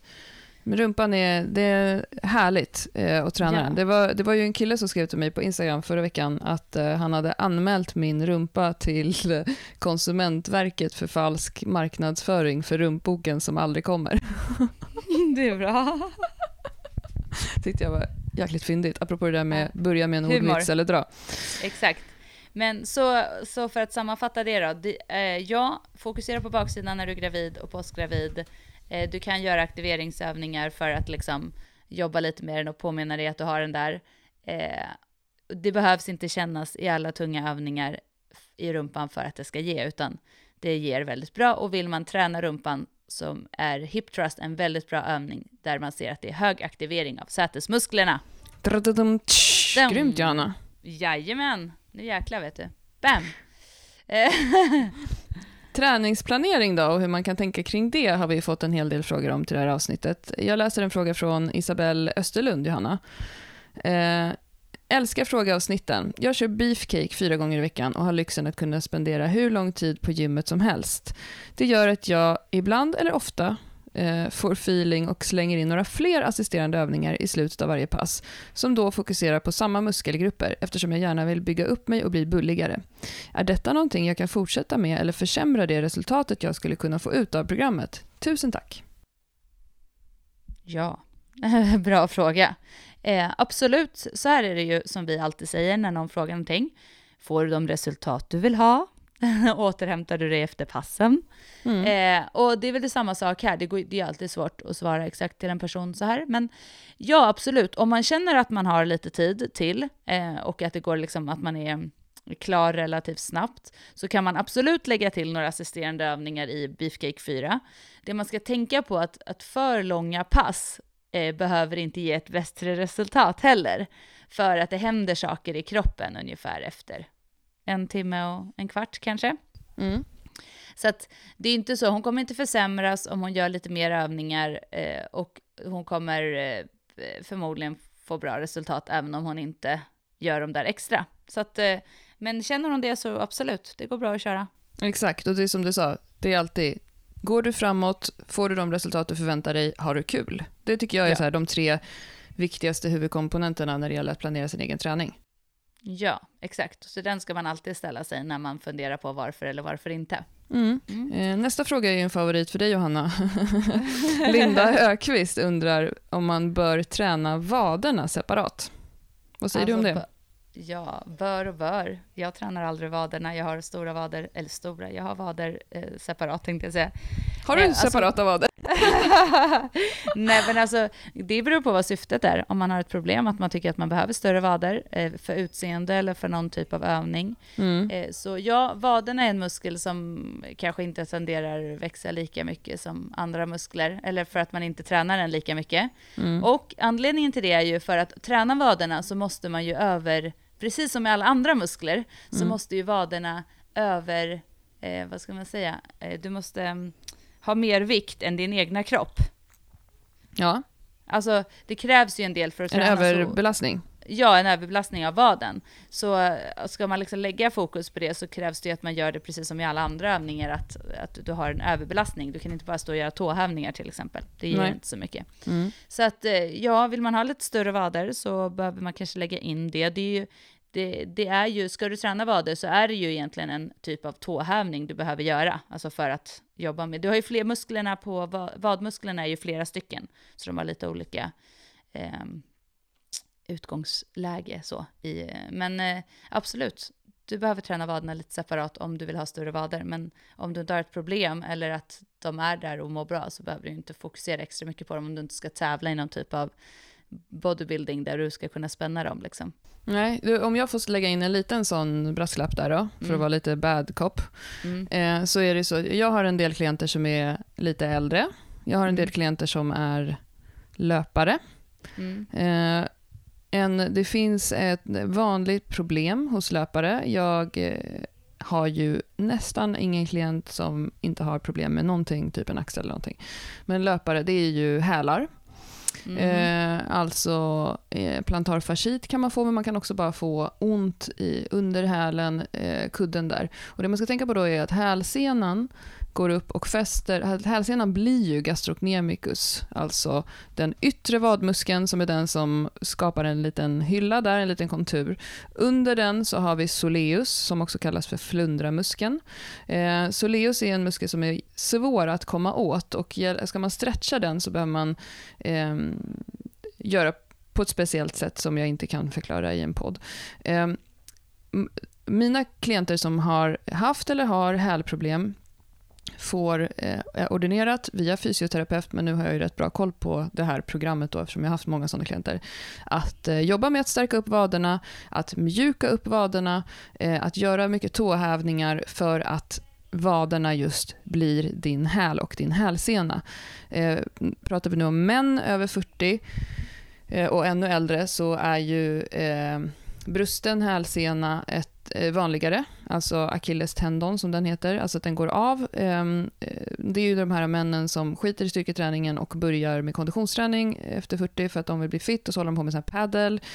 Eh, och så, så blir det mycket riktningsförändringar och så, så här låter det när hälsenan går av. Det är faktiskt rätt eh, obehagligt.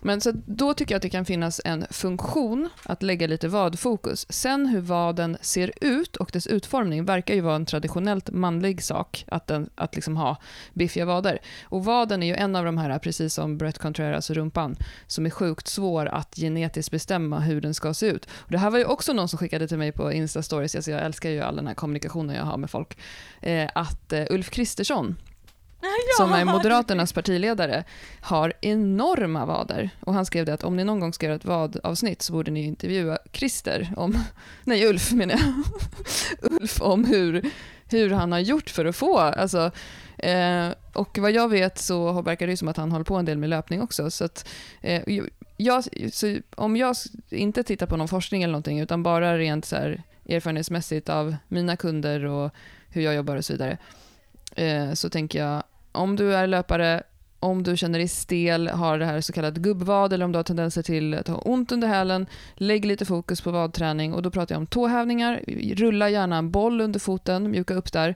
Gör tåhävningar i olika riktningar och stretcha. Försök att stretcha eh, vaden så gott det går. Det kan vara svårt. Eh, men om du vill att den ska bli snygg, då tänker jag så här, oh, det finns ju så mycket andra saker man kan lägga mer tid på. Det verkar sjukt segt att lägga tid på vadträning. Eller? Okej. Okay. Ja, men jag skulle säga, om man tittar generellt så är det ju jättegenetiskt. Som ja. alla, men, alltså hur vaden ser ut. Ja. Så att har man en väldigt smal vad så kanske det är genetiskt och man kommer inte kunna ha så rätt heller för att träna upp den och då är det ju väldigt segt att lägga massor med tid på det. Ja. Men så att egentligen då, syftesmässigt som du sa, att träna vaden eller jobba med vaden för egentligen skade om du har ett problem eller, eller om, om, du är löpare. Ja, eller om du har problem, precis. Så att det finns mer ett syfte där än kanske att du ska bodybuilda den.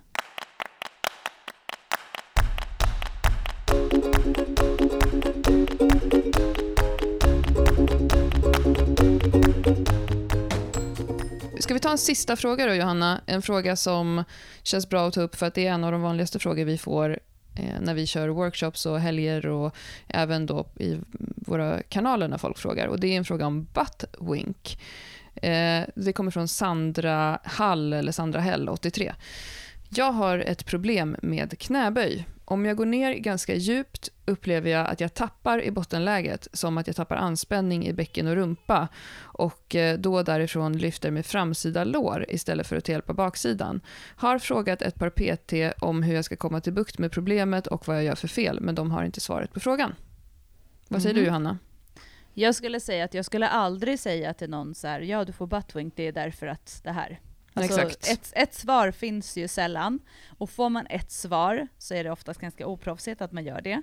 Mm. Eh, däremot så kan man ju se att det finns eh, faktorer som påver påverkar buttwink, alltså varför man kan få buttwink. Mm. Och några av de faktorerna eh, kan, eller så här, för de allra flesta som får det så upplever jag att bara man ändrar lite i stansen och liksom gör, med, gör den här personen medveten om att den har det, Mm. så eh, blir det lite bättre.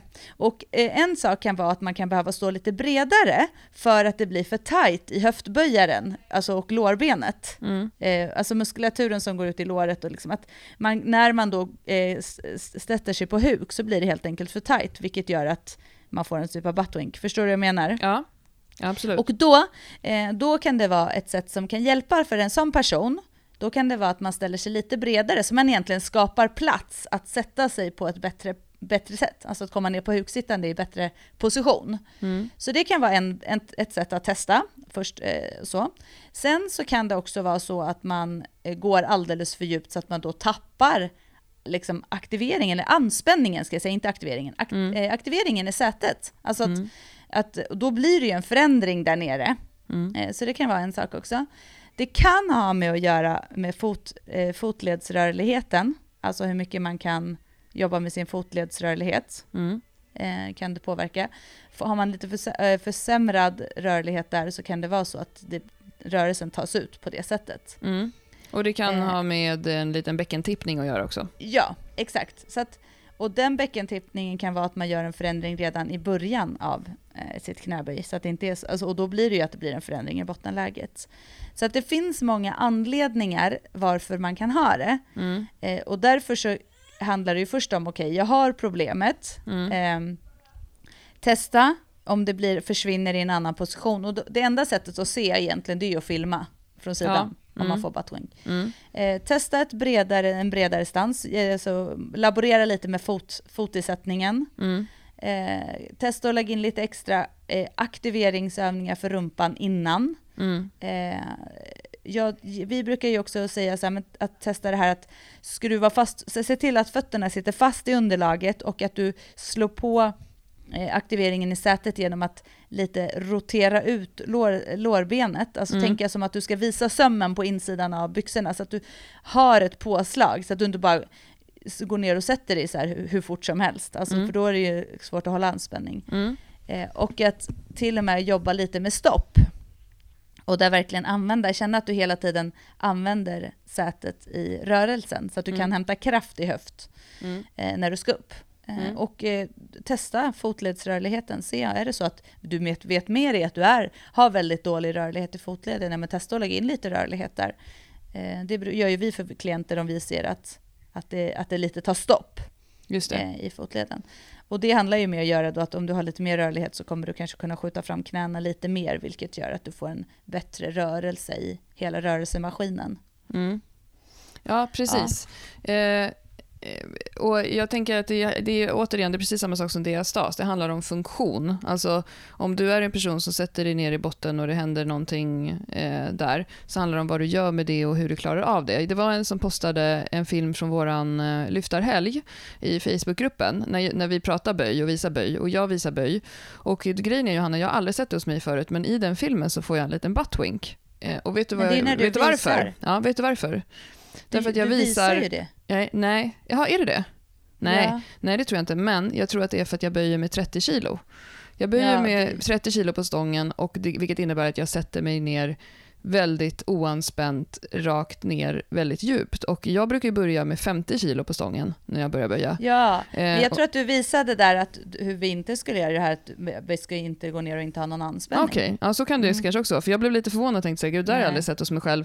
Eh, men, men det blir tydligt också att det är, ju för, det är ju i botten av rörelsen att jag släpper Ja. röven.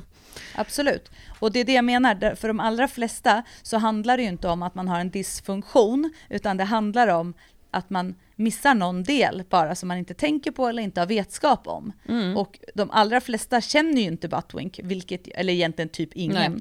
Och, och vilket gör att det är också svårt att veta att man har det och när man inte har det. Mm. Så därför så handlar det om att så här, man får filma och försöka testa de här olika sakerna. Mm. Men, men gör du en, en böj, för det är ju jättemånga som, eh, och det brukar vi säga också så här, vi kan inte börja analysera era böjer, böjer? vi kan inte börja titta på böjen och ge massor med feedback innan ni kommer upp på lite arbetsvikt. Nej. För att en person som, som sätter sig, som vi ser gör böj på 80 kilo, Mm. och så börjar den göra på 30 och så slarvar den igenom repsen. Mm. Då är det ju så här, sen när den kom upp på typ 60, ja men då gjorde den ju inte butt längre. Varför? Nej, för att den måste ha mer anspänning i kroppen. Mm. Så att det är ju, det, man får också tänka på när får man det och varför får man det. Så att liksom gör en liten egen analys, men framförallt eh, fortsätt göra, men gör, ha anspänning i kroppen. Det Mm. löser mycket och det har ju vi ett helt avsnitt om, Mm. anspänning. Ja, Så härligt. jag upplever att många, många klarar det då och blir av med den. Liksom. Det handlar Mm. inte om att man har någon eh, diagnos, utan en diagnos, Det är bara- nej. nej. Så återigen kan jag faktiskt knyta an till det vi började det här avsnittet med. Låt en kvinna få lyfta. Jag, jag, jag sa det på vår livesändning när vi hade böj tror jag, på lyftarhelgen. Så sa jag så här, tre saker som funkar för de allra flesta. Gör mer böj, bli stark, sluta göra fel. Det är så skönt. Det är så jävla enkelt Klara när man är med dig. Ja, men Gör det, det inte så jävla komplicerat. nej, men för de allra, allra flesta så handlar det ju om att man gör någonting i sin rörelse som, är, som man gör fel. Alltså man vet inte hur man ska göra rörelsen. Och för de allra flesta så avhjälps det med att sluta göra fel, göra mer böj eller göra mer av den rörelse man ska göra och bli stark. Det löser så himla mycket i livet. Mm. Bli stark är fan det bästa. Ja, det är ju det. Du, eh, jag tycker vi ska avrunda nu och eh, jag vill också bara säga att i fredag så skickade vi ut nyhetsbrev. Vi är ju grymt frekventa på våra nyhetsbrev. Det, det är ungefär som att vi har suttit och hackat runor i tre månader innan de kommer ut. Men Mm. eh, då släppte vi ju fyra stycken olika workshops. Två stycken workshops i knäböj och marklyft i Lofsangruppens studio innan vi flyttade därifrån. Och två stycken workshops i knäböj och marklyft på Crossfit Eken när vi flyttar in där, som är våran eh, första dag. Man kommer få lite nice stuff eh, på Crossfit Eken eh, när man kommer och tränar med oss då. Så att spana in vårt nyhetsbrev för dig som inte har sett det om du vill anmäla dig till eh, en workshop med oss. Och vi hoppas att eh, du vill komma. Det kommer bli skitkul. Vi är taggade. Vi är redo för höst och vinter. Exakt. Så eh, kolla på det. De finns på eh, styrkebyrån.se. Eh, de finns också på länk på vårt Instagram, eh, vårt nyhetsbrev. Eh, det går också att anmäla sig på vår webb för att få kommande nyhetsbrev. Men de kommer inte så ofta, så man behöver inte oroa sig om det inte händer något. Vi får bli bättre på det. Vi det är så mycket bara. Det. det är så mycket. Jo, en annan grej också. Vi ska ju åka till Örebro 25 november och ha en lyftardag där på ett ställe som heter Explore Fitness. Där kommer vi också ha knäböj, marklyft och pull-ups. Så eh, kolla också in våra kanaler för, eh, och i det här nyhetsbrevet så länkar vi till det.